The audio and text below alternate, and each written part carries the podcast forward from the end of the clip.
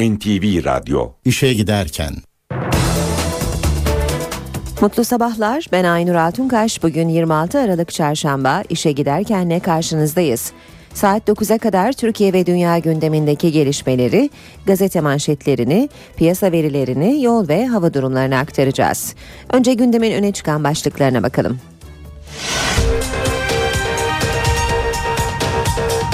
Başbakan Erdoğan odasındaki dinleme cihazlarının her gün arttığını açıkladı. Orta Doğu Teknik Üniversitesi'nde çıkan olaylar akademisyenleri ve siyasileri ikiye böldü. Başbakan ODTÜ'deki olaylarla ilgili öğrencilere destek veren akademisyenlere tepki gösterdi. Katılımcı Demokrasi Partisi'nin genel başkanı Şerafettin Elçi hayatını kaybetti. İntibak yasası yılbaşında yürürlüğe giriyor. Gürcistan açıklarında 5,4 ve 4,4 büyüklüğünde iki deprem meydana geldi. İşe giderken gazetelerin gündemi.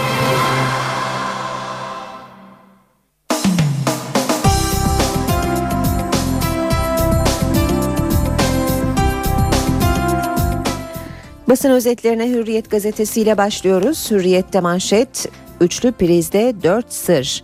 Başbakan Erdoğan'ın çalışma ofisinde bulunan böcekle ilgili MIT'in Köstebek Harekatı Şubat'tan beri titizlikle sürüyor. Elde edilen ayrıntılar olayın tam bir profesyonel organizasyon işi olduğunu gösterdi. Böcek duvardaki değil, üçlü portatif prizde bulundu. Odaya biri ya da birilerince getirilerek ana prize takılmış. Bu hem hızla odaya bırakılabilmesi hem de şarjının bitmeden rahatlıkla prizden güç sağlanabilmesi anlamına geliyor.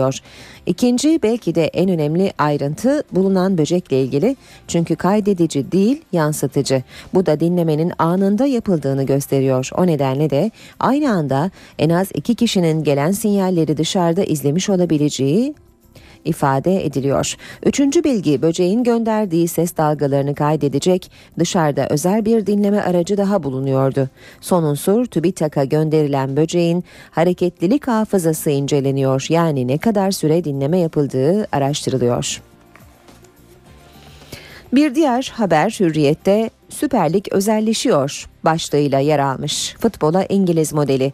Futbol Federasyonu Başkanı Yıldırım Demirören'le Kulüpler Birliği Başkanı Halil Ünal, Bakan Suat Kılıç'a tarihi bir teklif götürdü. Bakanın da sıcak baktığı öneri hayata geçerse 2014-2015 sezonundan itibaren Süper Lig'i İngiltere'deki gibi Kulüpler Birliği'nin kuracağı bir şirket yönetim pasarlayacak.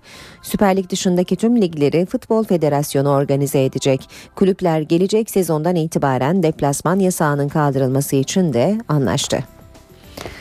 Milliyetle devam ediyoruz. Üniversitede bildiri savaşları, tehlikeli cepheleşme, 40'a yakın rektörlük Orta Doğu Teknik Üniversitesi'ndeki gösterileri eleştirdi. YÖK soruşturma başlattı, pek çok öğretim üyesi ise ODTÜ'yü ve öğrencileri savundu. ODTÜ yönetimine ve öğrencilere tepki gösteren 40'a yakın rektörlük yönetimi açıklama yaptı. Bu üniversitelerin bazılarında öğretim üyeleri, mezun dernekleri ve öğrenciler kendi rektörlüklerine tepki gösterdi. ODTÜ öğrencileri kampusu ve amfileri terk etmeme eylemi yaptı. Pek çok üniversitede destek gösterileri düzenlendi. Kriz yükün soruşturma açtığı haberiyle yeni boyut kazandı. Gerginlik siyasetinde gündemindeydi. Kabineden Sadullah Ergin, Ömer Dinçer ve Taner Yıldız göstericilerin şiddet uyguladığını söyleyerek başbakana destek verdi. CHP Genel Başkan Yardımcısı Koç, o açıklamayı yapan tüm rektörlerden utanıyorum diyerek tepki gösterirken MHP Grup Başkan Vekili Vural, üniversiteler iktidarın icraatının savunucusu haline gelmiş dedi. Devam ediyoruz. Milliyet gazetesinden bir haber daha aktaralım. Merkeze güvenip riske girmeyin. Merkez Bankası Başkanı Erdem Başçı risklerini iyi yönetmeleri gerektiği konusunda şirketleri uyardı. Merkez Bankası dövizdeki dalgalanmaları azaltacakmış. Ben de risk alayım dememek lazım. Dünyada ne olacağı belli olmaz. Başçı bu yıl enflasyonun %5 hedefine çok yakın gerçekleşmesini beklediklerini, 3 yıl boyunca da bu oran için çalışacaklarını söyledi. Emekliye 5 50 e, ile 350 lirası lira arası intibak. Çalışma ve Sosyal Güvenlik Bakanı Faruk Çelik, yılbaşında emekli maaşlarına yansıtılacak intibak düzenlemesiyle emeklilerin hesabına 50 liradan 350 liraya kadar para yatırılacağını bildirdi. Çelik belirlenen 2013 asgari ücretinin de yarın açıklanacağını söyledi. Cumhuriyet gazetesiyle devam edelim. Kara bir leke diyor Cumhuriyet manşette. Öğretim üyeleri Orta Doğu Teknik Üniversitesi'ni savundu. Rektörleri sert dille kınadı. YÖK'ün ODTÜ olayları için inceleme başlatması ve bazı üniversitelerin polis şiddetini görmezden gelerek öğrencileri kınaması öğretim üyelerinin tepkisini çekti. Akademisyenler ikbal kaygısıyla hareket eden rektörlerin açıklamalarının akademi tarihine kara leke olarak geçeceğini vurguladı. Bildiride polisin olayları başlattığı ve orantısız güç kullandığı gerçeğinin göz ardı edilmesi manidar denildi.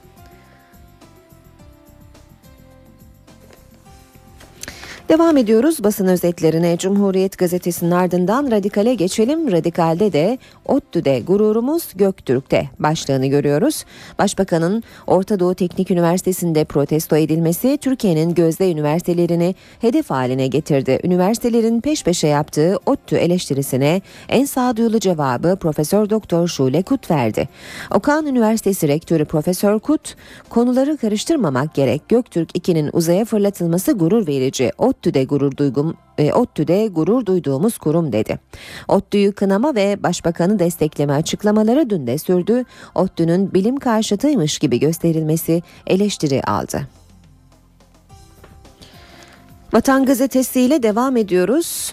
Parazitten anladı. Manşetini görüyoruz Vatan gazetesinde de. Ofisinde böcek bulunan Erdoğan'ın telefon görüşmesindeki olağan dışı parazitlenme üzerine şüphelenerek MIT'e talimat verdiği ortaya çıktı deniyor. Derin devlet mi dış güçler mi başlığını görüyoruz. Böcekler profesyonelce tarama cihazıyla dahi bulunamayacak yöntemle yerleştirilmiş. Üzerlerindeki seri üretim numaraları silinmiş. Cihazların modeli İsrail Gizli Servisi, Mossad'la Alman Gizli Servisi, BND'nin kullandığı türden dış istihbarat parmağı da araştırılıyor. MIT kendi içinde şüpheli personel araştırması yapıyor. İstanbul'da görevli bazı isimlerin de dinleme ile bağlantısı olduğu öne sürülüyor. Bir diğer başlık Elif Zeynep artık bizim bebeğimiz. Kazada anne babasını kaybeden Assubay kızı Elif Zeynep bir taneye Türk Silahlı Kuvvetleri sahip çıktı. Acılı aileyi arayan Genelkurmay Başkanı Orgeneral Necdet Özel, Elif Zeynep artık bizim bebeğimiz. Onun her türlü sorumluluğunu üstleneceğiz dedi. Ardından uçakla Gata'ya getirilmesi için talimat verdi. Kocaman buhran. Karabük yenilgisinin ardından istifa eden Aykut Kocaman dün Aziz Yıldırım'la görüştü. İki buçuk saatlik zirvede Kocaman kalacağım demeden kulüpten ayrıldı. Fenerbahçe yönetimi bugün Aziz Yıldırım'ın başkanlığında tam kadro halinde bir araya gelecek hoca ve transferleri görüşecek. Devam ediyoruz basın özetlerine. Habertürk'te sürmanşet paylaşılamıyor. Zeynep bebeği hem anne anne hem baba anne istiyor. Anne ve babasını yitirdiği kazadan 26 saat sonra sağ kurtulan minik Zeynep'i paylaşamayan dünürler velayet davası açıyor demiş Habertürk haberinde. Manşette ise askere yeni düzen başlığını görüyoruz. Darbelere karşı mevzuat yenileniyor. Habertürk, Türk Silahlı Kuvvetleri'nin görev sınırlarını yeniden çizecek mevzuat değişikliklerini manşet haberine yansıtmış. İç Hizmet Yönetmeliği 85'teki Cumhuriyeti iç ve dışa karşı korumak ifadesinin içe karşı tanımı çıkarılacak. 35 ve 2'deki Cumhuriyeti kollamak ifadeleri kalkacak. İç Hizmet Yönetmeliğindeki mutlak itaat sözü atılacak. Sığınmaya Karakas'tan doğrulama. Venezuela Dışişleri Türkiye'nin Karakas Büyükelçiliğine bilgi verdi. Esad'ın sığınma isteğini doğruladı. Bize mektup yazdı. Geçelim sabah gazetesine kan donduran görüntüler diyor sabah manşette gündemi sarsacak olay İstanbul'daki karakolda öldüresiye dayağın görüntüleri yer almış sabah gazetesinin haberinde Hayati D asker kaçağı olduğu iddiasıyla 19 Haziran'da Kağıthane Sanayi Karakolu'na götürüldü. Bir polisin tokadıyla başlayan dayak D'nin kendini savunmaya çalışmasıyla linç girişimine dönüştü. Kamera görüntülerine göre 7 polis Hayati D'yi tekme tokat ve yumruk yumruklarla öldüresiye dövdü. Hırsını alamayan bir polis D'nin başını ezmeye çalıştı. Tanınmaz hale gelen D'yi soran abine onu görünce şoke olma denildi. Abinin şikayetiyle savcı soruşturma başlattı. İfadesi alınan ve tutuklama istemiyle mahkemeye sevk edilen MC tutuksuz yargılanacak. Diğer altı polisin ifadesi için emniyete yazı yazıldı.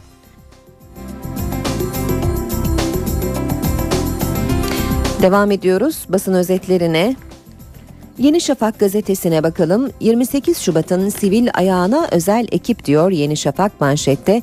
28 Şubat soruşturmasını yürüten savcı Mustafa Bilgili, Çevik Bir'in de aralarında bulunduğu dönemin e, komutanları ile ilgili Batı Çalışma Grubu iddianamesini tamamlama aşamasına gelirken darbeye destek veren sivilleri deşifre etmek için harekete geçti.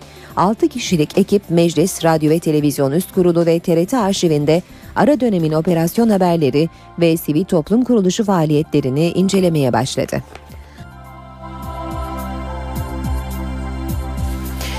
Akşam gazetesi var sırada. Evet, Esad sığınma istedi diyor akşam manşette. Türkiye sordu, Venezuela doğruladı.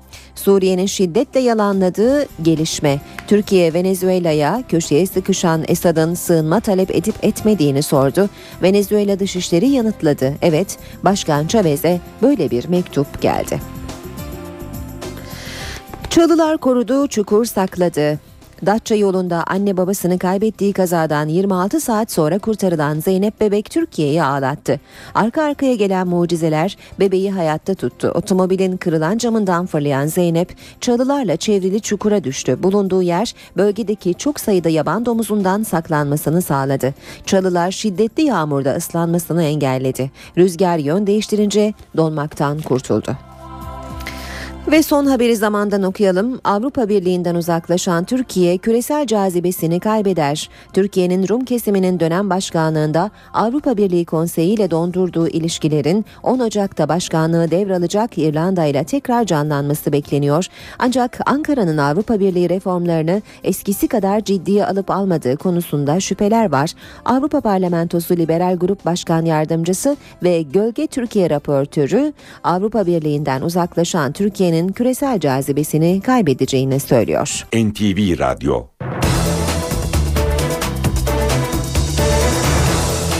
Saat 7.20 NTV Radyo'da işe giderken gündemin öne çıkan gelişmeleriyle devam ediyor. Başbakan Tayyip Erdoğan'dan çalışma ofisinde bulunan dinleme cihazı ile ilgili yeni açıklama geldi. Başbakan böceklerin sayısı her gün artıyor, mücadelemiz devam edecek dedi. Adalet Bakanı Sadullah Ergin ise Hatay İl Başkanı iken kendisinin de dinlendiğini açıkladı. Böcek konusunu isterseniz devam ettirmeyelim. Çünkü 2'den şu anda 3'e çıkmış herhalde arta arta devam edecek ben sizin kadar yakın takip edemiyorum. Bu tür konularla mücadelemiz devam ediyor, devam edecektir. Başbakan Recep Tayyip Erdoğan'ın ofisinde bulunan dinleme cihazı ile ilgili tartışmalara yine başbakandan yanıt geldi. Başbakan derin devlete ilişkin şey sözlerini şey ise yineledi. Yani, derin devletle e, bunu tamamen sildik, bitirdik, yok ettik. Böyle bir iddianın içerisinde olmam mümkün değil. Çünkü dünyada hiçbir ülkenin, devletin derin devleti kendi bünyesinde bitirdiğine, temizlediğine bir siyasetçi olarak ben inanmıyorum. O bir virüs gibidir. Uygun fırsatı bulduğu anda, zemini bulduğu anda o virüs ortaya çıkar ve yapmak istediğini orada yapmaya çalışır. Adalet Bakanı Sadullah Ergin de soruşturmaya ilişkin bilgi verdi. Geçmişte ben de dinlendim dedi. Başbakanlıkta e, idari açıdan e, konuya bakılıyor. İdari bir inceleme söz konusu. E, aynı şekilde e, konuyla ilgili Ankara Başsavcılığına yapılmış bir takım bildirimler var. E, bu bildirimler çerçevesinde bir soruşturma dosyası olduğunu biliyorum.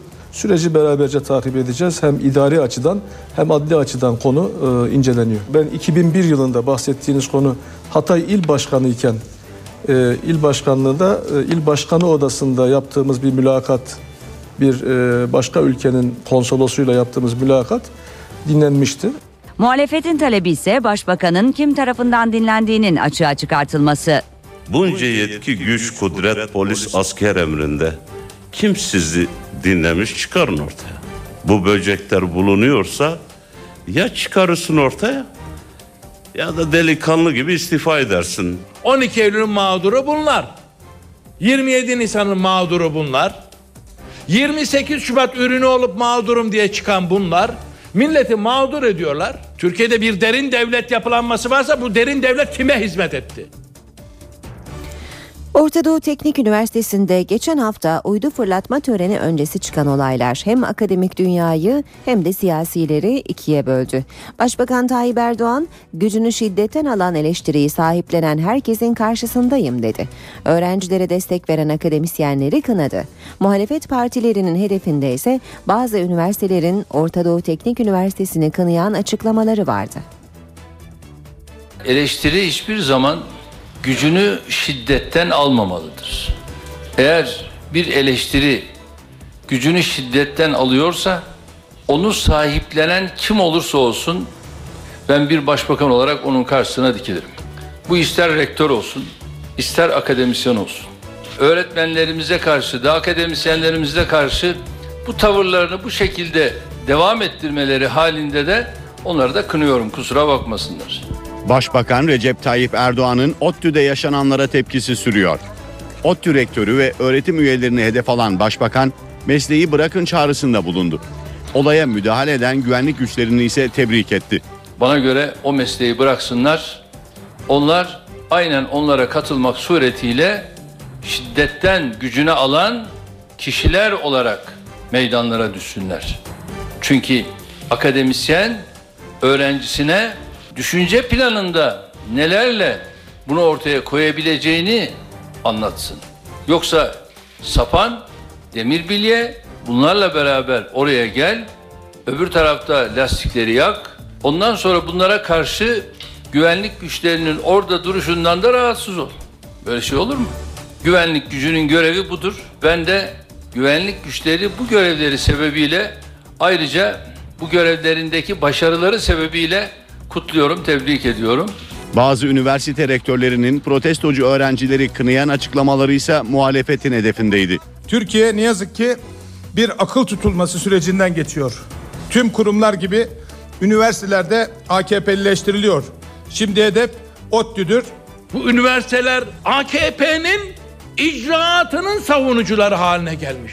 Türkiye'nin birçok hayati öneme sahip konularında dut yemiş bülbüle dönen üniversiteler konu başbakanla ilgili bir konu olduğu zaman fevaran etmeye başladılar. Öğrenci ve akademisyenlere sahip çıkan ODTÜ yönetimini eleştiren 13 üniversitenin rektörüne akademisyenlerden tepki geldi. Ortak bildiri yayınlayan bazı öğretim üyeleri kınama açıklamasının kara bir leke olarak tarihe geçeceğini belirtti. Orta Doğu Teknik Üniversitesi'nde yaşanan protestoların etkileri akademik camiaya da sıçradı. ODTÜ rektörlüğünün ardından Öğretim Üyeleri Derneği de bir açıklama yaparak emniyet güçlerinin yürüyüşe şiddet kullanarak müdahale ettiğini ifade etti ve ODTÜ'nün çeşitli çevreler tarafından hedef tahtasına oturtulduğunu, bunun tehlikeli bir kutuplaşmaya zemin hazırladığı belirtildi. ODTÜ'deki protestoları yazılı bir açıklamayla eleştiren 13 üniversite rektörüne kendi öğretim üyelerinden ve öğrencilerinden tepki geldi. Galatasaray, Mimar Sinan, İstanbul Üniversitesi, İstanbul Teknik Üniversitesi, Yıldız Teknik ve Marmara Üniversitesi'nden akademisyenler bir bildiri yayınladı. ODTÜ'ye tam destek verilen bildiride polis şiddeti karşısında tek vücut olarak tepki gösteren ODTÜ'lü meslektaşlarımızın ve öğrencilerin yanındayız ifadeleri yer aldı. Bir vesayet altında hep birlikte hatta senatolarını toplamadan ve üniversitenin görüşü gibi açıklamaları bizi endişelendiriyor ve üniversite tarihine kara bir leke olarak geçeceğini düşünüyoruz biz. Rektörlerden gelen açıklamalara öğrencilerden de tepki vardı. İstanbul ve Mimar Sinan Üniversitelerinde öğrenciler ODTÜ'ye destek vermek için eylem yaptı. Mimar Sinan Üniversitesi'ndeki eyleme katılan öğrencileri rektör Profesör Doktor Yalçın Karayağız ikna etmeye çalıştı. Tek protesto aracı eleştirel fikirleri olmalı. Taş, sopa ve molotof kokteyli öğrencilerle anılmamalıdır. Öğrencilerse eylemlerine bir süre daha devam etti. İşe giderken Kürt siyasetinin önemli isimlerinden Katılımcı Demokrasi Partisi'nin genel başkanı ve Diyarbakır Milletvekili Şerafettin Elçi tedavi gördüğü hastanede hayatını kaybetti. Başbakan Tayyip Erdoğan, Elçi'nin Ankara'daki evine giderek ailesine başsağlığı diledi. Elçi bugün elçi için bugün mecliste tören yapılacak. Devletin varlığı ve bağımsızlığını, vatanı ve milletin bölünmez bütünlüğünü, KADEP Genel Başkanı ve Diyarbakır Milletvekili Şerafettin Elçi 74 yaşında hayatını kaybetti. Bir süredir Ankara'daki bir hastanede kanser tedavisi gören Elçi'nin akciğer ve solunum yetmezliğine bağlı kalp durması nedeniyle hayatını kaybettiği açıklandı. Vefat haberinin ardından BDP'li vekiller hastaneye gitti. Demokratik Toplum Kongresi eş başkanı Ahmet Türk de hastaneye gidenler arasındaydı. Şerafettin Bey yaşamı boyunca Kürt halkının özgürlük mücadelesinde hep duyarlı olmuştur. Ama aklı duygularının önüne koyarak siyaseti yapmıştır. Başbakan Recep Tayyip Erdoğan da dün akşam taziye için Şerafettin Elçi'nin Birlik Mahallesi'ndeki evine gitti. Cumhurbaşkanı Abdullah Gül de bir mesaj yayınladı. Gül mesajında sorunların diyalogla çözülmesi, ülkedeki barış ve kardeşlik ortamının pekişmesi için yoğun gayret gösteren Şerafettin Elçi'nin eksikliği siyaset dünyamızda her zaman hissedilecektir dedi. CHP Genel Başkanı Kemal Kılıçdaroğlu ise elçinin eşini arayarak başsağlığı diledi. Şerafettin Elçi için mecliste bugün saat 11'de tören düzenlenecek. Elçinin cenazesi Perşembe günü memleketi Şırnak'ın Cizre ilçesinde toprağa verilecek. 74 yaşındaki Kürt asıllı siyasetçi Katılımcı Demokrasi Partisi'nin parlamentodaki tek temsilcisiydi. Kürt siyasetinin sembol isimlerinden olan Şerafettin Elçi ilk olarak 1977 genel seçimlerinde Mardin milletvekili olarak parlamentoya girdi. 1978-1979 yılları arasında Bülent Ecevit hükümetinde Bayındırlık Bakanı olarak görev yaptı. 12 Eylül 1980 darbesinden sonra ise tutuklandı. 30 ayı aşkın bir süre cezaevinde kaldı. 10 yıl siyasi haklarından mahrum bırakıldı. Elçi 1992'de 98 Kürt aydını ile birlikte Kürt Hak ve Özgürlükler Vakfı'nı kurdu. 19 Aralık 2006 tarihinde kurulan Katılımcı Demokrasi Partisi'nin genel başkanlığına getirilen Şerafettin Elçi 12 Haziran 2011 seçimlerinde de Diyarbakır'dan milletvekili seçildi. Uludere'de 34 kişinin hayatını kaybettiği olayların yıl dönümünde sayılı say, yıl dönümüne sayılı günler kala ölenlerin yakınlarına verilen 123'er bin liralık tazminat paralarının henüz alınmadığı ortaya çıktı. Şırnak valisine göre aileler tazminatı çekmekten korkuyor. Toplam 4 milyon 182 bin lira tazminat hesaplarda kaldı. Para Şırnak Uludere'de bir yıl önce yaşanan olayda ölen 34 kişinin ailesi için yatırıldı. Ancak kimse paraya dokunmadı. Kişi başı 123'er bin lira olan tazminat paralarını almayan aileler başlatılan hukuk sürecinin sonuçlanmasını bekliyor. İşe giderken devam ediyor. Kısa bir aramız olacak. Ardından spor haberlerine bakacağız. Şimdi gündemin başlıklarını bir kez daha hatırlayalım.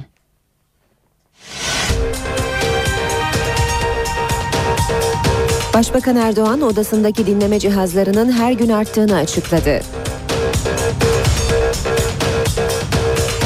Orta Doğu Teknik Üniversitesi'nde çıkan olaylar akademisyenleri ve siyasileri ikiye böldü. Başbakan ODTÜ'deki olaylarla ilgili öğrencilere destek veren akademisyenlere tepki gösterdi. Katılımcı Demokrasi Partisi'nin genel başkanı Şerafettin Elçi hayatını kaybetti. İntibak yasası yılbaşında yürürlüğe giriyor. Gürcistan açıklarında 5,4 ve 4,4 büyüklüğünde iki deprem meydana geldi.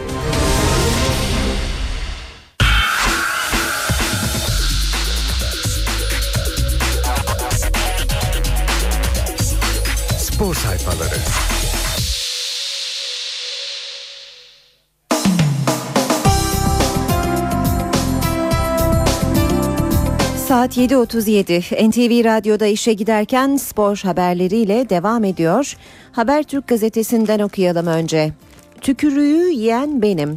11 maçlık ceza tartışması sürüyor. Halis Özkahya, Türkiye Futbol Federasyonu ve Merkez Hakem Kurulu yetkilileriyle yaptığı görüşmelerde raporunun arkasında durdu. Özkahya, tükürük yok iddialarına sert bir tepki gösterdi.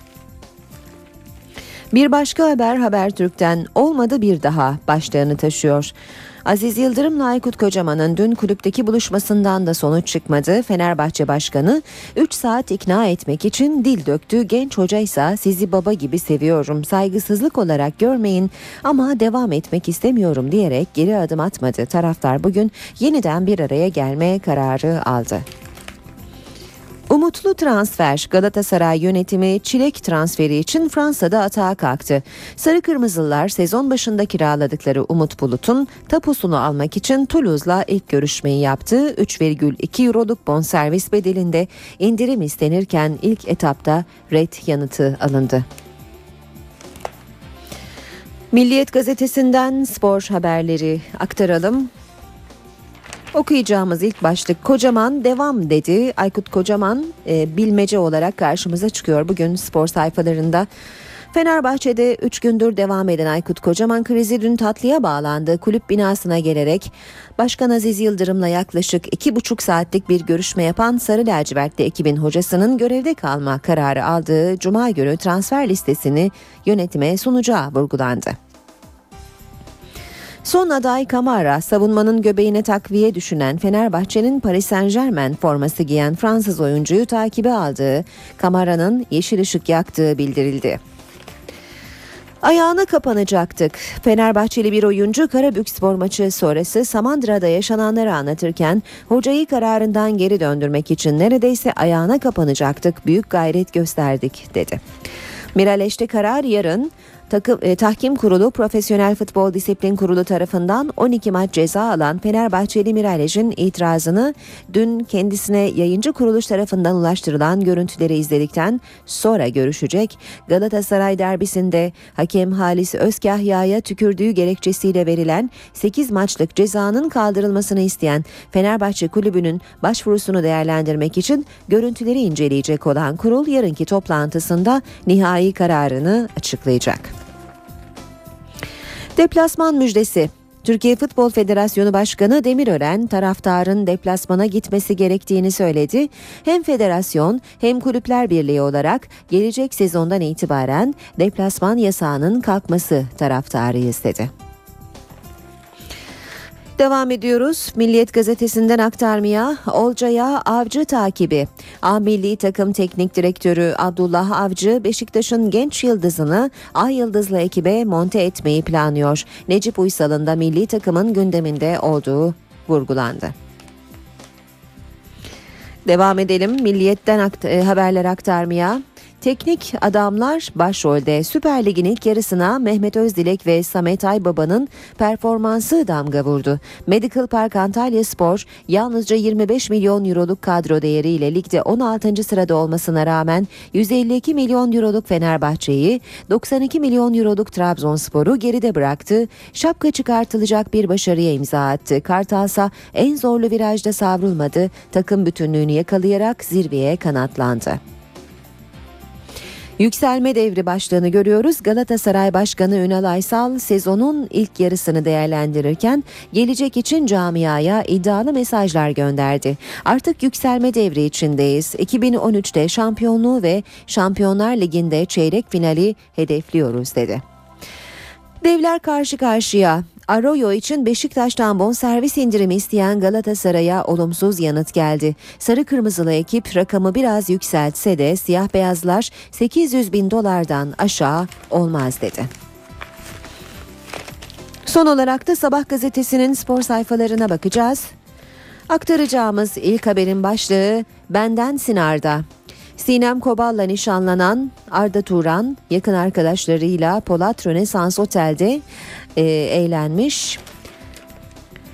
Ayrıntılı olarak haberi görüyoruz Sabah gazetesinin spor sayfalarında. Bir diğer başlık sözünü tuttu.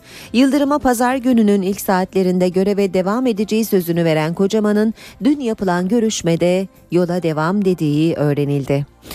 Her açıdan tükürük, Raul Mirales'in derbide gördüğü kırmızı kart sonrası hakem Ali Sözkahya'ya tükürdüğünü gösteren yeni görüntüler ortaya çıktı. Tahkim kararı yarın ertelendi.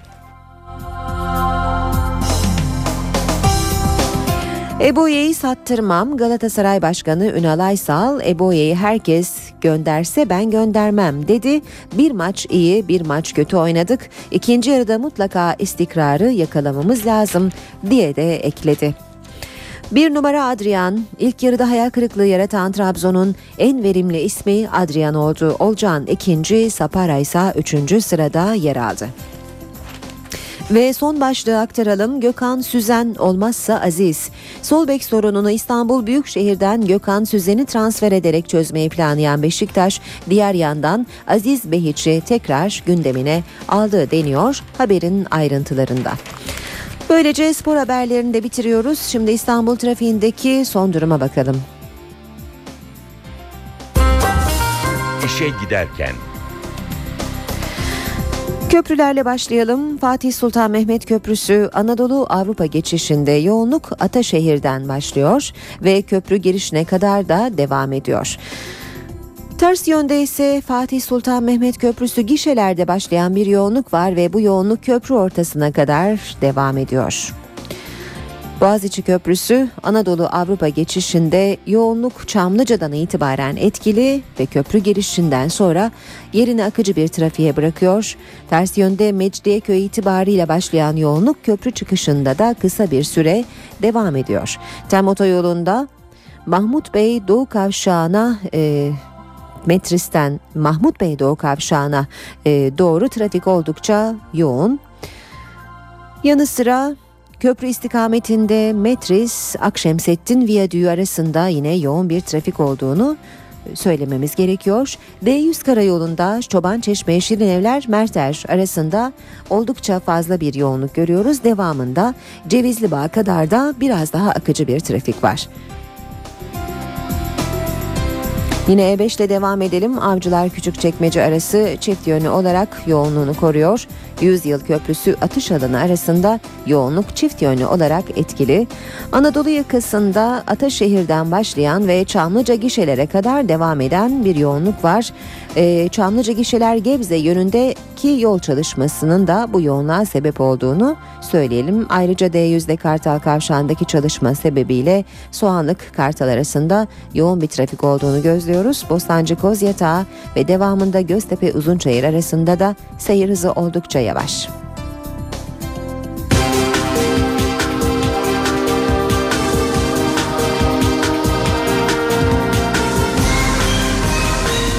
İşe giderken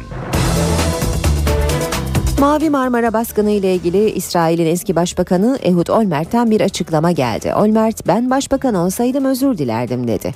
Tel Aviv'de düzenlenen Avukatlar Sendikası konferansında eski İsrail Başbakanı Ehud Olmert Netanyahu hükümetinin Mavi Marmara baskını ile ilgili tutumunu eleştirdi. Olmert eğer başbakan olsaydım siviller hayatını kaybettiği için Türkiye Başbakanı Erdoğan'dan ve Türk halkından özür dilerdim. Olaydan iki gün sonra hükümetle uzlaşmak için iletişime geçerdim dedi.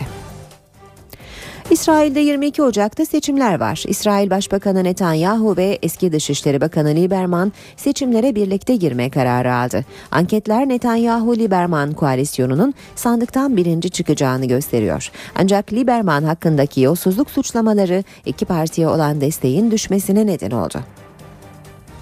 İsrail'de seçim hazırlıkları başladı. İsrail Başbakanı Benjamin Netanyahu ve eski Dışişleri Bakanı Avigdor Lieberman sandıkta güçlerini birleştirme kararı aldı.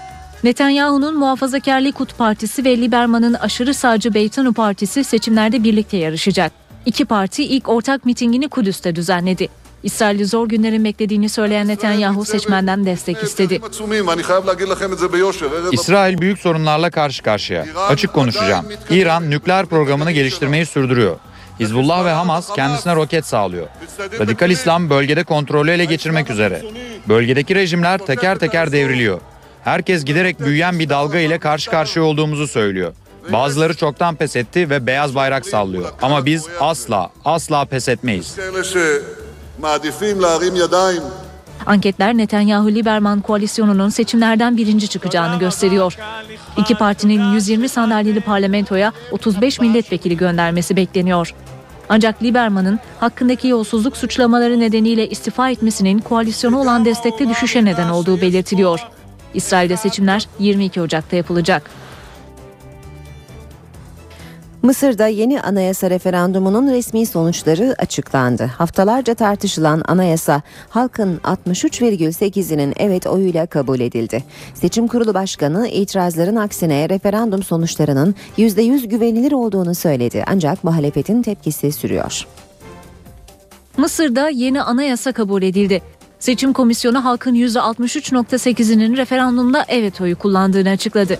İki turdan oluşan referanduma katılım %32 oranında oldu. Seçim Kurulu Başkanı referandumda usulsüzlük yapıldığı yönündeki tüm itirazların incelendiğini ve sonuçların tamamen güvenilir olduğunu açıkladı. Muhalefetin yeni anayasaya tepkisi ise sürüyor. Sonuçların açıklanmasının ardından başkent Kahire sokaklarında ufak çaplı protesto gösterileri vardı. Cumhurbaşkanı Mursi karşıtları referandum sonuçlarının yanlış olduğu görüşünde. Sonuçlar sahte. Cumhurbaşkanı Mursi sahte. Bütün anayasa sahte. Sonuçlar önemli değil. Çünkü bütün bu rejim sahte. Bu rejimi de Müslüman kardeşleri de istemiyoruz. Müslüman kardeşlerse referandumun ardından Mısır ekonomisine yoğunlaşma hazırlığında. First, there are some legislative actions that we need to take in order İlk olarak Halk Meclisi'nin seçimi konusunda bazı yasaların geliştirilmesi gerekiyor. Bunun yanı sıra diğer partilerle görüşüp ekonominin hızlandırılması için ne gibi yasal düzenlemeler gerektiğini masaya yatırmaya hazırlanıyoruz. especially for the election of the People Assembly. Anayasanın onaylanmasının ardından Mısır'da iki ay içerisinde seçimlerin düzenlenmesi bekleniyor. Suriye'de önceki gün devlet başkanı Beşar Esad'la görüşen Birleşmiş Milletler ve Arap Birliği'nin özel temsilcisi Lahtar Brahimi dün de muhaliflerle bir araya geldi. Suriye'de yaşayan muhalifler ülke Somali'ye dönmeden bir çözüm bulunmalı dedi.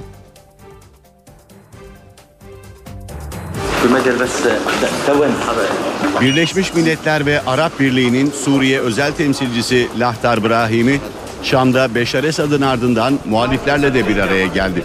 Brahimi, Şam rejiminin muhatap olarak kabul ettiği Suriyeli muhaliflerle olası çözüm seçeneklerini görüştü. Şam'daki muhalifler yurt dışındakilerin aksine geçiş hükümeti fikrine sıcak baktıklarını açıkladı. Bu krizden çıkış yolu şiddeti sona erdirmek ve ülkede güvenliği sağlayacak tam yetkili bir geçiş hükümeti kurmaktan geçiyor. Ülkenin Somali'ye dönmesinden endişe duyuyoruz. Bu savaşı kim kazanırsa kazansın sonunda kaybeden Suriye olacak. Ülke iç savaşlarla bölünecek. Suriyeli muhalifler Brahimi'nin önümüzdeki günlerde soruna siyasi çözüm bulunması için taraflarla detaylı görüşmelerde bulunacağını vurguladı. Brahimi'nin temasları sürerken çatışmalar da hız kesmiyor. Muhalifler günlerdir süren çatışmaların ardından Türkiye sınırı yakınlarındaki Harim kasabasında kontrolü tamamen ele geçirdi. Muhalifler orduya ait bazı tank ve cephaneye de el koydu. Üç buçuk aydan beri Suriye'de tutulan gazeteci Beşar Fehmi Kadumi'den hala haber yok. Yakınları ve meslektaşları eyleme devam ediyor. Dün akşam yine Suriye Başkonsolosluğu önünde protesto sesleri yükseldi. Beşar'ı bize geri ver. Yakınları ve gazeteci dostları 142 gündür kendisinden haber alınamayan gazeteci Başar Fehmi Kadumi için yine eylemdeydi. Grubun toplanma adresi aynıydı. Suriye Başkonsolosluğu önünde Kadumi'nin serbest bırakılması için sloganlar atıldı, pankartlar açıldı. Suriye Beşar'ı bize geri ver. Kadumi ile birlikte Suriye'de alıkonulan ve 90 gün sonra serbest bırakılan gazeteci Cüneyt Ünal da eylemdeydi. Arzu Kadumi, CHP'nin eşi için heyet gönderme girişiminden haber beklediğini söyledi. Önce bununla ilgili bir gelişme yok. Ben de bekliyorum sizin gibi. Ee, onlarla irtibat halindeyim ama henüz yeni bir gelişme yok. Heyetin hazırlanıp oraya gideceğiyle ilgili bir tarih bana henüz söylenmedi. Ee, yeni bir yıla giriyoruz evet. Ee, ben bu olay ilk olduğu zaman bu işin açıkçası bu kadar uzayacağını hiç tahmin etmemiştim. Bir hafta, iki hafta, bir ay e, bu şekilde düşünmüştüm ama günler geçti, aylar geçti, mevsim geçti ve şimdi üzerinden bir yıl geçecek. Eylemde Kadumi'nin fotoğrafları da başkonsolosluğun parmaklıklarına bırakıldı. Gürcistan açıkları sallanmaya devam ediyor. Karadeniz'de gece ard arda 5,4 ve 4,4 büyüklüğünde iki deprem meydana geldi. Aynı bölgede pazar günü de 5,3 büyüklüğünde bir sarsıntı kaydedilmişti. O depremde Gürcistan'da yaralanan tek kişinin ise bir Türk olduğu ortaya çıktı. Deprem oluyor deprem oluyor bak bak bak. Dışarı çıkalım. Karadeniz 5,4 ve 4,4 büyüklüğünde iki depremle sallandı. Merkez üssü Gürcistan açıkları olan 5,4 büyüklüğündeki ilk deprem saat 00.44'te meydana geldi. Bu depremden 11 dakika sonra aynı bölgede 4,4 büyüklüğünde bir deprem daha oldu. Sarsıntılar Trabzon, Rize ve Artvin'de de hissedildi. İlk hafif sallantı oldu anlamadım. Normal sallantı sandım sonra büyük bir sallantı oldu. O zaman dışarı doğru kaçtım. Aynı bölgede pazar günü de 5,3 büyüklüğünde bir deprem meydana gelmişti. O depremde Gürcistan'da yaralanan tek kişinin ise bir Türk olduğu ortaya çıktı. 24 yaşındaki Rizeli Kadir Kuş'un yaralanmasının nedeni ise paniğe kapılarak yüksekten atlaması. Kuş depreme Batum'da sıva yaparken yakalandı. İskeleden binanın içine atlayınca yaralandı. Kendimi yukarı atmaya çalıştım düşmemek için. Bir basamak atlamak için ayağımı burktum düştüm. Ayağı kırılan Kadir Kuş, Batum'daki ilk müdahalenin ardından Rize'ye getirilerek tedavi altına alındı. NTV Radyo İşe giderken de birlikteyiz. Herkese yeniden günaydın. Birazdan spor, e, birazdan hava durumuna bakacağız ama şimdi gündemin başlıklarını hatırlayalım.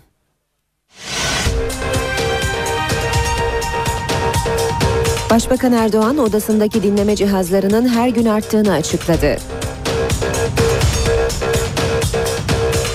Orta Doğu Teknik Üniversitesi'nde çıkan olaylar akademisyenleri ve siyasileri ikiye böldü. Başbakan ODTÜ'deki olaylarla ilgili öğrencilere destek veren akademisyenlere tepki gösterdi.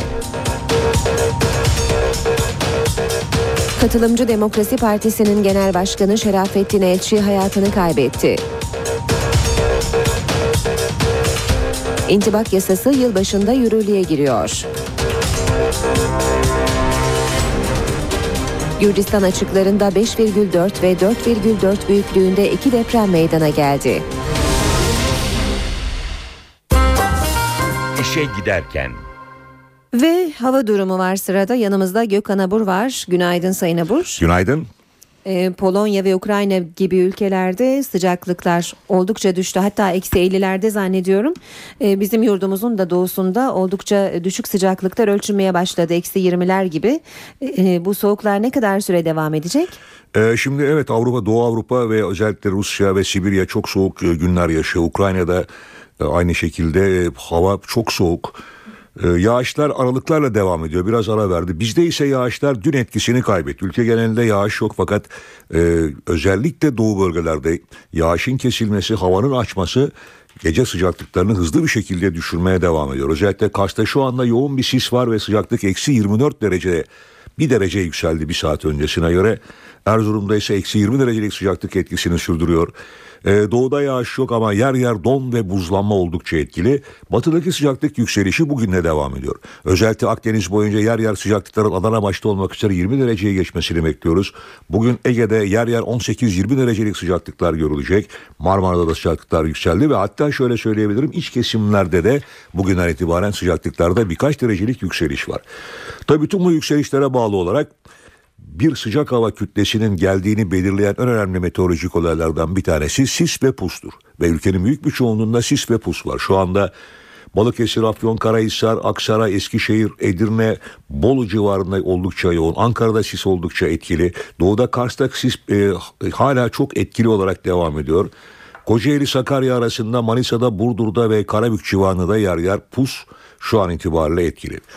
Evet bizi bugün ne bekliyor derseniz yağış beklemiyoruz. Bu akşam saatlerinde yine iç kesimlerde sis ve pus etkili olacak. Fakat yarın öğleden sonra ve akşama doğru önce Edirne Kırklareli daha sonra da Edremit Körfezi içinde başlayacak hafif yağışlar Cuma günü ülkenin batı kesimlerine etkisi altına alacak. Ve bu yağışlar Güney Ege'de daha kuvvetli olmak üzere Ege'nin tamamı Marmara bölgesi ve Batı Karadeniz bölgesindeki etkisini sürdürürken Cumartesi günü Akdeniz boyunca yağışlar daha da kuvvetlenecek. Özellikle cumartesi ve pazar günü Akdeniz ve Güney Ege'de sağanakların daha kuvvetli olmasını bekliyoruz. Ve rüzgar hafta sonu pazar günü özellikle Poyraz'a dönecek. Poyraz giderek kuvvetlenecek dolayısıyla hafta sonunu daha yağışlı, daha serin geçirecek batı bölgelerimiz ve aslına bakarsanız da e, hissedilen sıcaklık Poyraz'dan dolayı da düşük olacak. Böyle bir günler yaşıyoruz. Henüz yılbaşına e, nasıl geçireceğiz onun detaylarını sizle yarın paylaşmak istiyorum.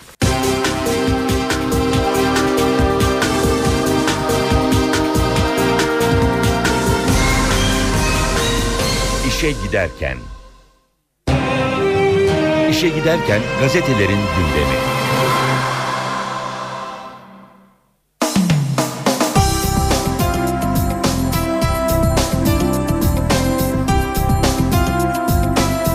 Basın özetlerine Milliyet gazetesiyle başlıyoruz.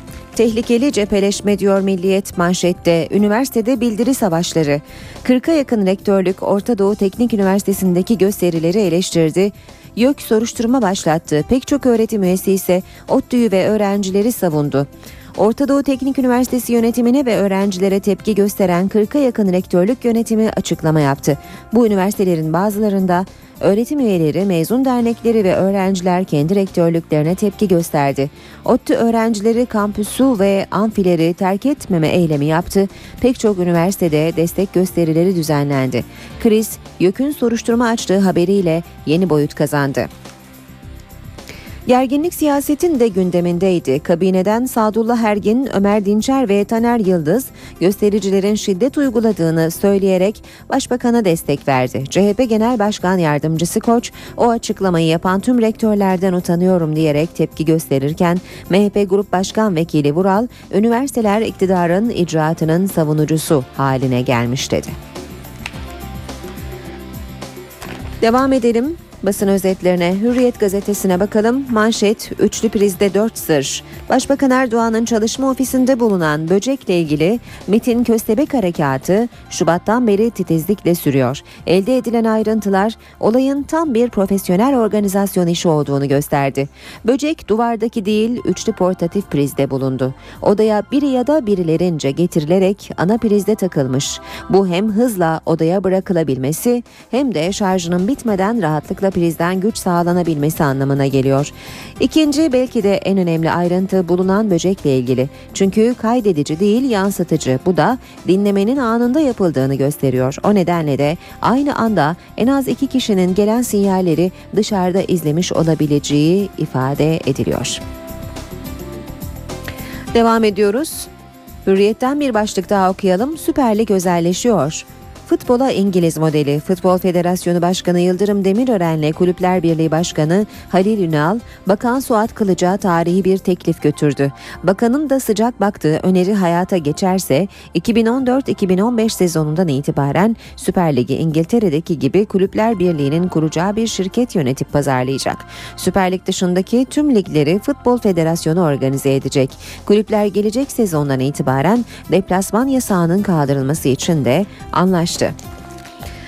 Sabah var sırada sabahta manşet kan donduran görüntüler. Gündemi sarsacak olay. İstanbul'daki karakolda öldüresiye dayağın görüntüleri yer alıyor. Sabah gazetesinde Hayati de asker kaçağı olduğu iddiasıyla 19 Haziran'da Kağıthane Sanayi Karakolu'na götürüldü.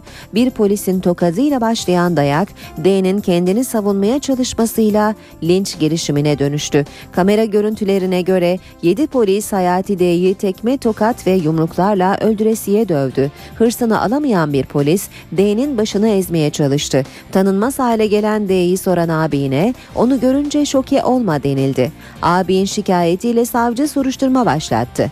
İfadesi alınan ve tutuklama istemiyle mahkemeye sevk edilen MC tutuksuz yargılanacak diğer 6 polisin ifadesi için emniyete yazı yazıldı. Vatan gazetesiyle devam edelim. Parazitten anladı diyor Vatan manşette. Ofisinde böcek bulunan Erdoğan'ın telefon görüşmesinde olağan dışı parazitlenme üzerine şüphelenerek MIT'e talimat verdiği ortaya çıktı. Devam edelim yine vatandan bir başlık. Elif Zeynep artık bizim bebeğimiz. Kazada anne babasını kaybeden asubay kızı Elif Zeynep bir taneye Türk Silahlı Kuvvetleri sahip çıktı. Acılı aileyi arayan Genelkurmay Başkanı Orgeneral Necdet Özel, Elif Zeynep artık bizim bebeğimiz. Onun her türlü sorumluluğunu üstleneceğiz dedi. Ardından uçakla Gata'ya getirilmesi için talimat verdi. Devam ediyoruz basın özetlerine. Radikal gazetesine bakalım. ODTÜ'de gururumuz Göktürk'te diyor manşeti Radikal'in. Başbakanın Orta Doğu Teknik Üniversitesi'nde protesto edilmesi Türkiye'nin gözde üniversitesini hedef haline getirdi. Üniversitelerin peş peşe yaptığı ODTÜ eleştirisine en sağduyulu cevabı Profesör Doktor Şule Kut verdi. Okan Üniversitesi Rektörü Profesör Doktor Kut konuları karıştırmamak gerek. Göktürk 2'nin uzaya fırlatılması gurur verici. ODTÜ'de gurur kaynağımız kurum dedi. Cumhuriyet gazetesinde kara bir leke başlığını manşette görüyoruz. Orta e, öğretim üyeleri ODTÜ'yü savundu, rektörleri sert dille kınadı.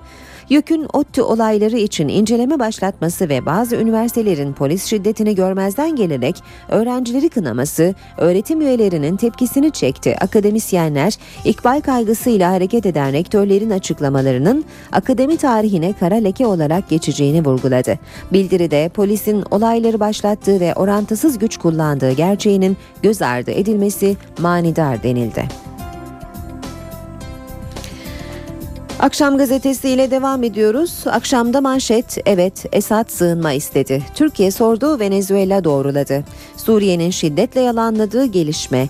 Türkiye Venezuela'ya köşeye sıkışan Esad'ın sığınma talep et, edip etmediğini sordu. Venezuela Dışişleri yanıtladı. Evet Başkan Chavez'e böyle bir mektup geldi.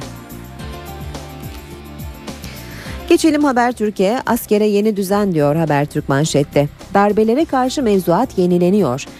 Türk Silahlı Kuvvetleri'nin görev sınırlarını yeniden çizecek mevzuat değişiklikleri yer almış haberde. İç Hizmet Yönetmeliği 85'teki Cumhuriyeti içe, e, iç ve dışa karşı korumak ifadesindeki içe karşı tanımı çıkarılacak. 35 ve 2'deki Cumhuriyeti kollamak ifadeleri kalkacak. İç Hizmet Yönetmeliğindeki mutlak itaat sözü atılacak. Yeni Şafak'ta da manşet 28 Şubat'ın sivil ayağına özel ekip.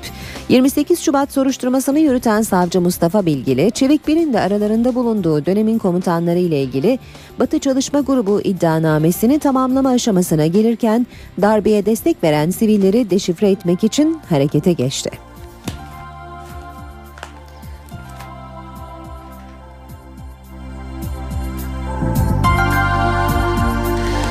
Son haberi de Zaman Gazetesi'nden okuyacağız. Avrupa Birliği'nden uzaklaşan Türkiye küresel cazibesini kaybeder. Türkiye'nin Rum kesiminin dönem başkanlığında Avrupa Birliği Konseyi ile dondurduğu ilişkilerin 1 Ocak'ta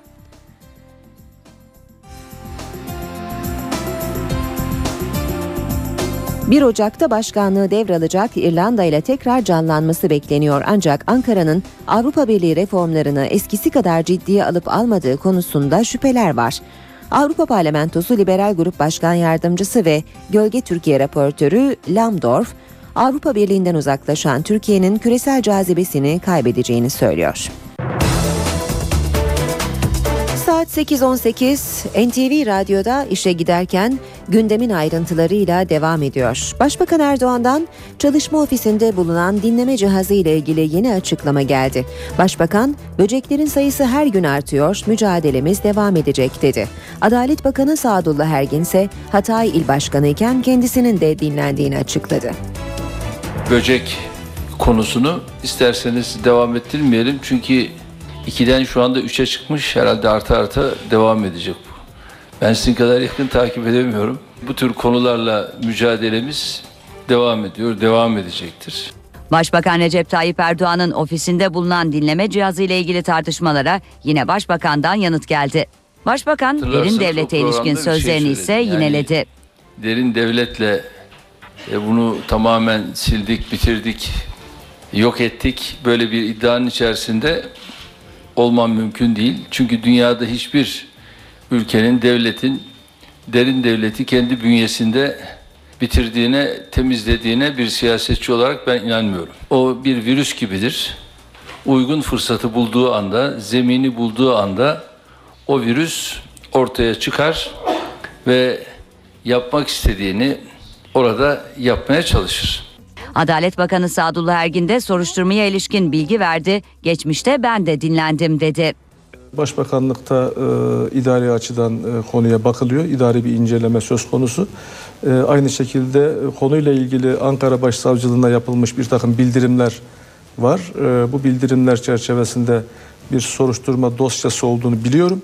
Süreci beraberce takip edeceğiz. Hem idari açıdan hem adli açıdan konu e, inceleniyor. Ben 2001 yılında bahsettiğiniz konu Hatay İl Başkanı iken e, il başkanlığında e, il başkanı odasında yaptığımız bir mülakat bir e, başka ülkenin konsolosuyla yaptığımız mülakat dinlenmişti. Muhalefetin talebi ise başbakanın kim tarafından dinlendiğinin açığa çıkartılması. Bunca yetki, güç, kudret, polis, asker emrinde kim sizi dinlemiş çıkarın ortaya. Bu böcekler bulunuyorsa ya çıkarırsın ortaya ya da delikanlı gibi istifa edersin. 12 Eylül'ün mağduru bunlar. 27 Nisan'ın mağduru bunlar. 28 Şubat ürünü olup mağdurum diye çıkan bunlar. Milleti mağdur ediyorlar. Türkiye'de bir derin devlet yapılanması varsa bu derin devlet kime hizmet etti? Emekliler arasındaki maaş farklarını gidermek amacıyla çıkarılan intibak yasası yılbaşında yürürlüğe giriyor. Yasa kime ne getirecek? Emekliler ne kadar maaş farkı alacak? Bu sorular NTV canlı yayınında yanıt buldu. NTV'ye kimlik bilgilerini gönderen emekliler zamlı maaşlarını canlı yayında öğrendi.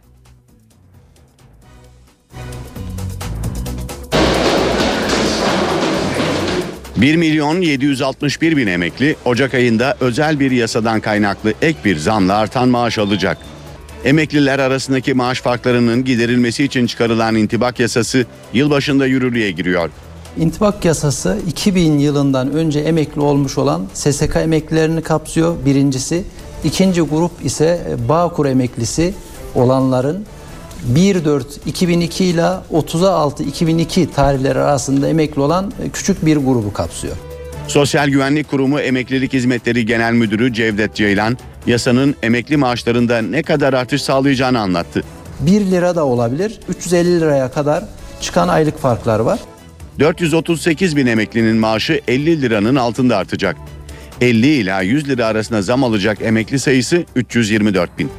715 bine yakın emekli 100-200 lira arasında, 254 bin emekli ise 200-250 lira arasında zam alacak.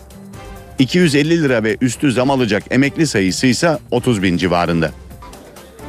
Ceylan kimlik bilgilerini gönderen 50'ye yakın emeklinin intibak yasasıyla alacağı zam oranını da ilk kez NTV'de açıkladı. Özgür Maras. Özgür Kendisi Maras bize bilgilerini e, göndermiş. evet. Özgür Bey şu anda e, 1154 lira maaş alıyor. E, intibaklı aylığı Ocak ayında 1455 lira olacak. Dolayısıyla 300 liralık e, bir intibak farkı alacak. Ekrem Karabayat. Ekrem Bey şu anda 888 lira alıyor. Ee, Ekrem Bey'in de Ocak ayı itibariyle maaşı 982 liraya çıkacak. Yaklaşık o da 93 liralık bir intibak farkı alacak. Muğla'da anne ve babasının öldüğü kazadan 26 saat sonra bulunan bebeğin nasıl sağ kaldığı ile ilgili ayrıntılar ortaya çıkıyor. Bir yaşındaki Zeynep'in çalılar sayesinde yağmurdan, içine düştüğü çukur sayesinde de rüzgardan korunduğu ortaya çıktı. Assubay baba ile annenin cenazesi de dün toprağa verildi. Bir yaşındaki Zeynep bebeğin yaşaması bir mucize. Tam 26 saat boyunca ormanda kaldı, üşüdü, acıktı, hatta çok korktu. Sırt takla, sırt taklası. Kendisini kurtaran askerin elini sıkı sıkı tutan Zeynep bebek, anne ve babasını kaybettiği trafik kazasından yer almadan kurtuldu. Küçük kız çalılar sayesinde şiddetli yağmurdan korundu. İçine düştüğü çukurda onu rüzgardan korudu.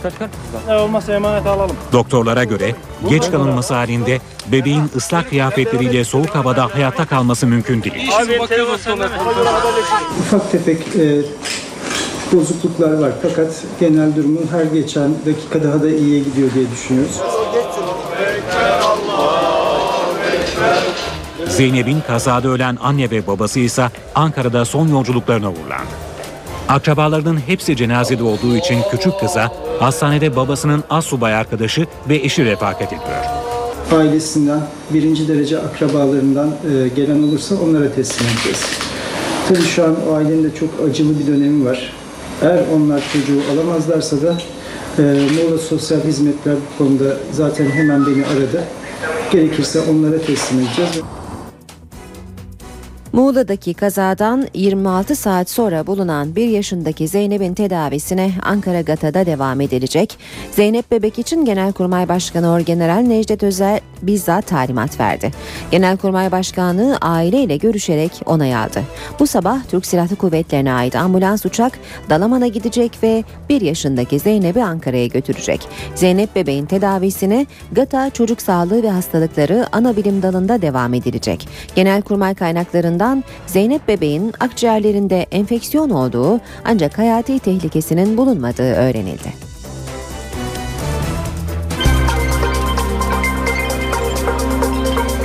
Ankara gündemi.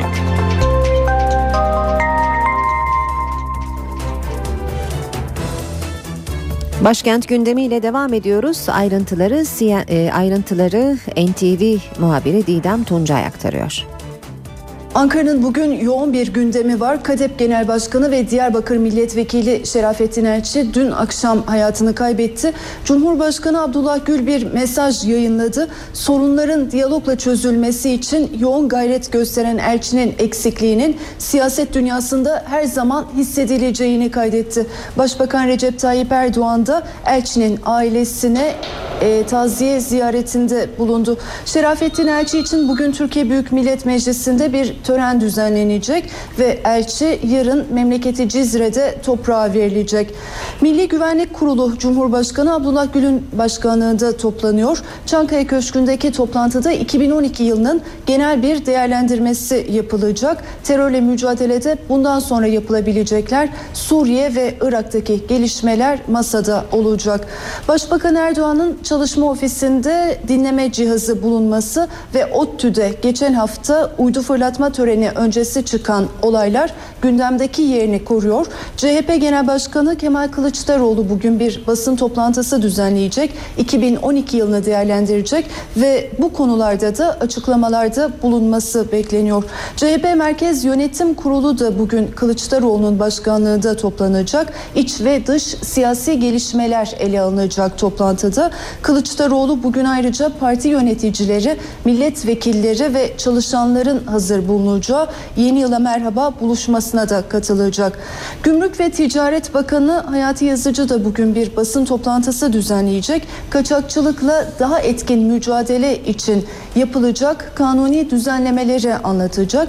Enerji ve Tabi Kaynaklar Bakanı Taner Yıldız'ın da bugün bir e, basın toplantısı olacak ve Yıldız da 2012 yılındaki çalışmalarını bir basın toplantısıyla değerlendirecek. Gündemden öne çıkan başlıklar böyle.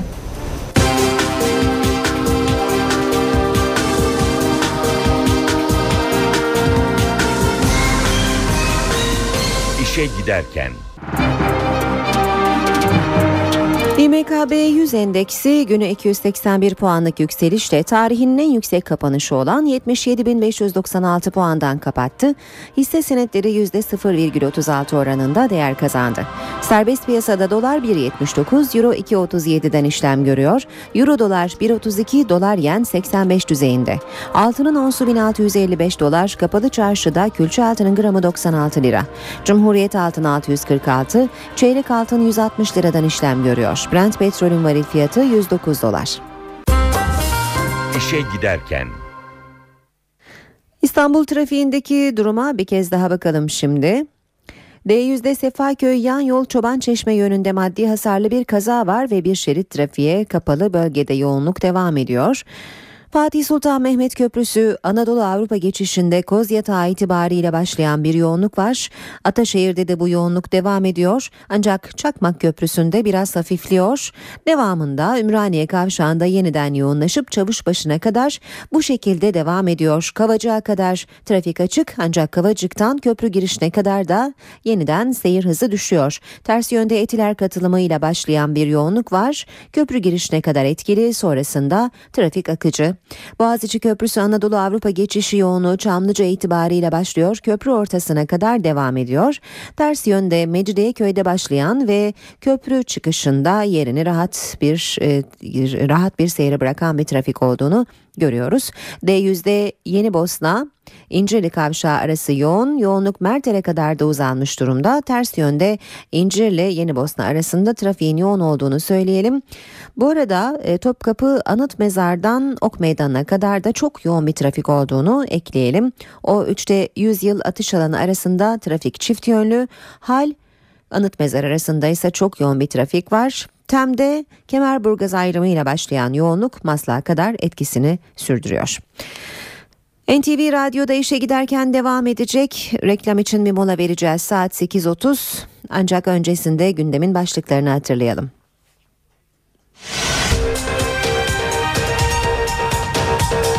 Başbakan Erdoğan odasındaki dinleme cihazlarının her gün arttığını açıkladı. Orta Doğu Teknik Üniversitesi'nde çıkan olaylar akademisyenleri ve siyasileri ikiye böldü. Başbakan ODTÜ'deki olaylarla ilgili öğrencilere destek veren akademisyenlere tepki gösterdi. Katılımcı Demokrasi Partisi'nin genel başkanı Şerafettin Elçi hayatını kaybetti. İntibak yasası yılbaşında yürürlüğe giriyor. Gürcistan açıklarında 5,4 ve 4,4 büyüklüğünde iki deprem meydana geldi.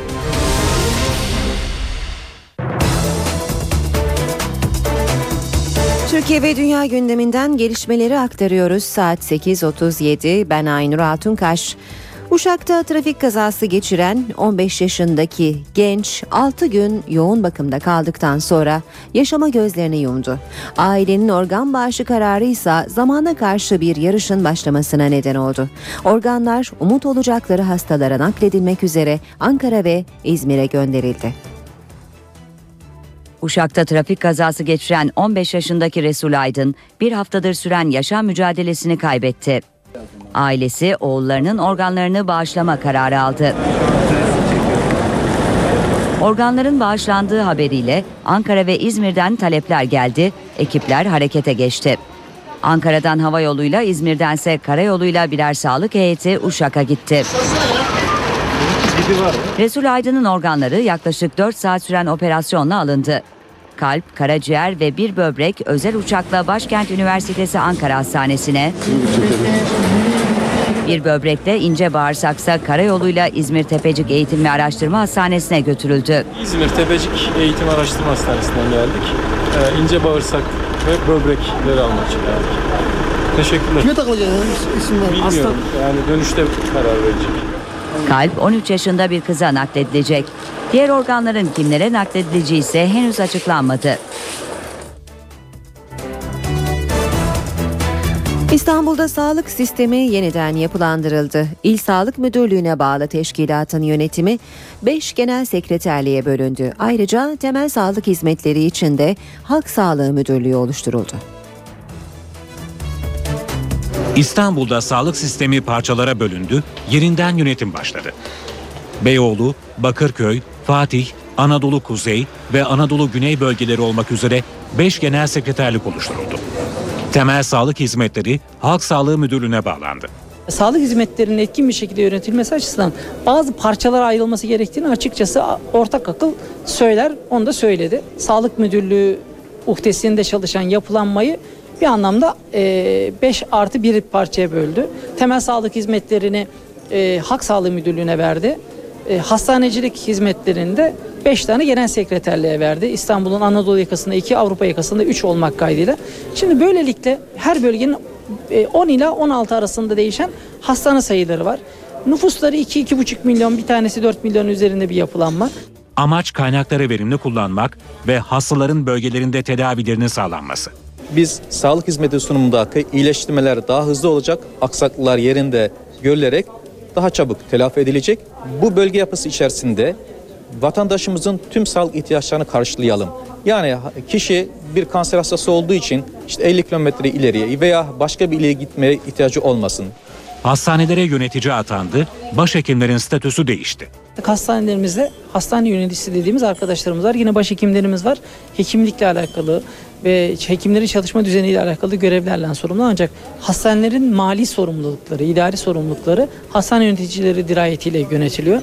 Kamu hastaneleri birlikleri 6 ayda bir performanslarının değerlendirildiği bir karne alacak. Gıda Tarım Bakanlığı'nın yeni düzenlemesine göre ekmeklerin artık daha az tuzlu, daha çok kepekli olması gerekiyor. Ancak yapılan denetimlerde bu kurala pek de uyulmadığı ortaya çıktı. Fırın başına 12 bin liraya yakın ceza kesildi. Ekmeğin standardı değişti. Artık daha az tuzlu, daha çok kepekli olması gerekiyor ancak bu kurala uyulmuyor. Gıda Tarım ve Hayvancılık Bakanlığı denetimlerde Türkiye genelinde 7066 fırına ceza kesti. İstanbul Sultan Gazi'de 62 fırın var ve yapılan denetimlerde bu 62 fırından 61'ine ceza kesildi. Üstelik ceza kesilen o fırınlardan ikisi İstanbul Fırıncılar Odası Başkanı'na ait. İki tane fırınıma 11.850, 11.850 ikisine de ceza geldi. Ne gerekçeyle? Kül oranı eksik diye. Hala aynı değirmenlerle çalışıyorum. Ama bu cezaları ben o değirmenlerime ödeteceğim. Ben kendim ödemeyeceğim bu para cezasını. Kül miktarı unun içindeki kepek oranı anlamına geliyor. Zaten tartışma da burada başlıyor. Fırıncılar uncuların uygun ürünü göndermediğini söylüyor. Bizim fırınlarımızda zaten e, laboratuvar yok. Yani biz e, değirmenci bize neyi gönder, gönderirse biz ondan yapar e, yaparız ekmeğimizi. Her zaman yaptığımız gibi halka satarız. Yani burada bir suçlu varsa o da değirmencinin suçudur. Acemilik var mı? Var tabii. Yani e, bu, bu, bu cezayı yiyen arkadaşlar değirmencisiyle e, karşı karşıya kaldı. Bize de diyorlar ki siz, biz sizden sadece un alıyoruz ve kül miktarı yüksek. Sizden çıktı diyorlar. Ben diyorum ki o zaman ben sizin ununuzu başka un katmadığınızı nereden bilebilirim? Siz bunu kullandığınız unu eğer e, şeye gönderebilseydiniz laboratuvara o zaman ben sorumlu alabilirdim üzerime. Un Sanayicileri Federasyonu ise hatanın fırınlarda olduğu düşüncesinde. Ancak sorunun bir kaynağı da sistemde. Ekmeğe yeni standart getirildi ama undaki düzenleme yetersiz kaldı. İstanbul Boğazı'nda balık bereketi yaşanıyor. Tezgahlar çeşit çeşit balıkla doldu. Balıkçılar yoğun ilgiden, İstanbullular da fiyatlardan memnun. Tezgahlar şenlendi. İstanbul'da balık bolluğu yaşanıyor. Havanın erken soğuması hamsi akınını da beraberinde getirdi ve diğer balıkları da. Hamsi 5, çinekop 10, lüfer de 15 liradan satılıyor. Şu anda çok hamsi var. 3 günden beri yoktu. Bugün hamsi var. Balık bereketinde av yasağına uyulmasının da rolü büyük. Çinekop mesela her sene bu zamanlar hemen bitiyordu. Bu sene yasağı biraz daha uyguladılar. Çinekop büyük çinekoplar bu sene 10 lira kilosu oldu. 10 lira 12 lira kilosu. Hele yılbaşına yaklaştığı zaman balık fiyatları biraz daha böyle kaliteli büyük balıklar çok fiyatlı oluyordu. Şu anda 40 lira levreğin kilosu. Her sene 90 lira olan levrek 40 lira. İstanbullular balık çeşitliliğinden ve düşen fiyatlardan memnun. Ee, Çinekop almaya geldim bugün. 13 lira yazıyor 10 liraya aldım. Geçen bu zamanda 18-19 arasıydı. İşe giderken Programımızın sonuna yaklaşıyoruz. Son olarak BBC Türkçe servisinin gözünden İngiltere basınında öne çıkan gelişmelere bakalım. İngiltere'de bu sabah yayınlanan gazetelerden Independent ve Times eşcinsel evlilik tartışmasına ağırlık veriyor. İngiltere'de muhafazakar liberal koalisyon hükümetinin 2013'te eşcinsel evlilikle ilgili yasal düzenleme yapması bekleniyor. Anglikan Kilisesi'nin en yüksek düzeyli yetkilisi Westminster Başpiskoposu kilisenin eşcinsel nikah kıymasına karşı görüşler açıklamıştı. Times bir yüksek mahkeme yargıcının da hükümetin bu konuya ağırlık vermesini eleştirdiğini duyuruyor. Independent gazetesi ise kamuoyunun kilisenin eşcinsel nikah kıymasına olanak vermesini istediğini gösteren bir anketi haberleştiriyor. Ankete katılanların üçte ikisi kilisede nikaha izin verilmesini istiyor. Independent'ın dünya haberleri sayfasına bakıyoruz. Almanya'da iktidarda olan Hristiyan demokratlardan gelen bir istifa gazetenin öne çıkardığı haberler arasında. İstifa eden Alman siyasetçi, Batı Almanya'nın kurucusu sayılan Konrad Adenauer'un 59 yaşındaki torunu Stefan Werhan. Independent, Werhan'ın istifa gerekçesinden bir alıntı yapıyor. Alman siyasetçi, Başbakan Angela Merkel'i katı bir politika izlemekle suçluyor ve herkesin üzerinden buldozer gibi geçiyor ifadesini kullanıyor. Independent'ın haberine göre Alman politikacı Euro krizinin ağır bunalım yarattığı ülkeleri toparlanmalarına fırsat vermek için serbest bırakmak gerektiğini, Euro'nun Avrupa'nın kuzeyindeki az sayıdaki ülkenin para birimi olması gerektiğini söylüyor. İngiltere'de yılbaşından daha önemli görülen Noel için verilen hediyelerden biri Guardian'ın merceği altında görülüyor bu sabah.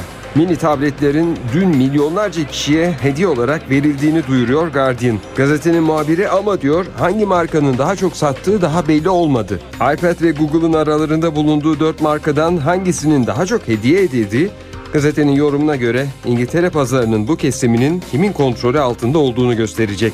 Otomobil sahiplerinin aşırı vergi ödüyoruz şikayetinin yerinde olmayabileceğini gösteren bir çalışmanın sonucu yine Guardian gazetesinde. Habere göre Almanya'daki Dresden Teknik Üniversitesi hava ve gürültü kirliliği, kazalar derken her bir otomobil sahibinin yılda yaklaşık 900 dolar zarara yol açtığını hesapladı. Buradan hareketle aslında ülkelerin otomobil sahiplerini toplam 450 milyar dolarlık bir kaynakla sübvanse ettiği, desteklediği hesaplanıyor. Guardian, İngiltere'de elektrikli otomobil satışlarının 2012'nin ilk 9 ayında bir önceki döneme göre ikiye katlandığını da bildiriyor. İşe giderkenin sonuna geldik. Gündemi kısaca hatırlayarak programımızı sonlandıralım. Bugün Türkiye'nin gündeminde Başbakan Erdoğan'ın dinleme cihazı böceklerle ilgili yaptığı açıklamalar yerini koruyor. Başbakan dün konuyla ilgili tekrar konuştu ve ofisindeki böcek sayısının her geçen gün arttığını söyledi. Diğer bir sıcak gündem maddesi ise Orta Doğu Teknik Üniversitesi'nde geçen hafta çıkan olaylar. Üniversitedeki protesto gösterileri hem akademik camiayı hem de siyasi camiayı ikiye bölmüş durumda. Bazı akademisyenler gösterilerin arkasında dururken kimileri de yapılan gösterileri eleştirdi. Başbakan Erdoğan da gösterilere destek veren akademisyenlere tepki gösterdi. Ayrıca son günlerde Türkiye'nin gündeminde olan mucize bebekle ilgili de bir gelişme var. Trafik kazasında anne ve babasını kaybeden ve mucizevi bir şekilde 26 saat sonra bulunan bir yaşındaki Zeynep'in tedavisi GATA'da devam edecek. İşe giderkenin sonuna geldik. Ben Aynur Altunkaş. Gelişmelerle saat başında yeniden buluşmak üzere. Hoşçakalın. NTV Radyo